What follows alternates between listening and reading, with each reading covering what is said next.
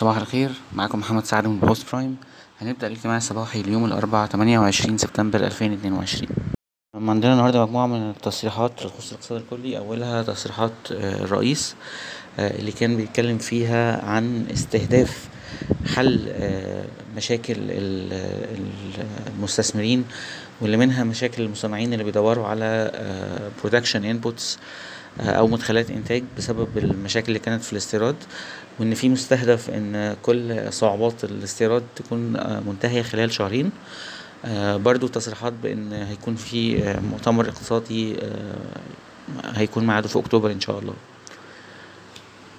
برضو من الأخبار اللي تخص الاقتصاد الكلي آه، في آه، بيان صادر من مجلس الوزراء آه، بيتكلم فيه عن إن الصندوق ال- السيادي المصري عنده خطط آه، يطرح وطنية وصافي في ال- ال- البورصة المصرية بحسب البيان الصادر. وإن حاليا بتجري عمليات إعادة هيكلة ال- الشركات دي اللي هي تابعة لجهاز ال- الخدمة ال- الوطنية.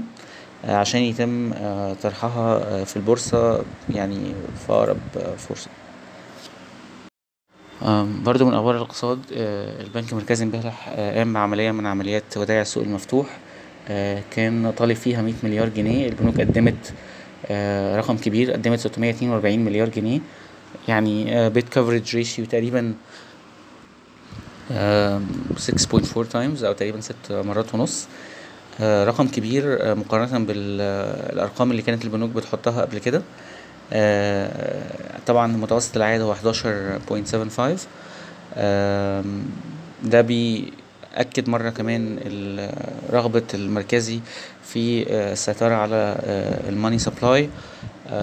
واللي كنا يعني شفنا ليها بوادر قبل كده سواء عن طريق عمليات ودائع السوق المفتوح أو عن طريق ال decision الأخير آه، برفع نسبة الاحتياط الإلزامي من 14% ل 18% أم، من أخبار الشركات أه، مجلس إدارة ال- السويدي المنعقد في 27 سبتمبر 2022 أه، كان قرر إن يمد فترة برنامج شراء أسهم الخزينة لغاية أه، 5 يناير 2023 أه، وبرضه من أخبار الشركات أوراسكوم كونستراكشن كانت أه، وقعت agreement مع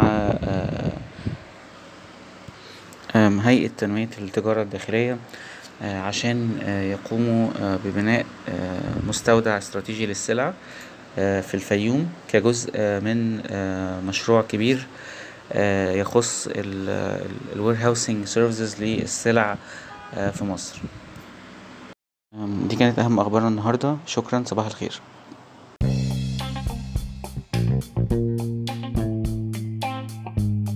يرجى العلم أن هذا العرض هو لأغراض معرفية فقط، ولا يمكن اعتباره عرض أو توصية شراء أو بيع أو إدارة استثمارات أو خدمات استشارية. ينصح باستشارة مستشارك المالي قبل اتخاذ أي قرار استثماري. الأداء التاريخي ليس مؤشرًا يعتمد عليه لتحديد الأداء في المستقبل.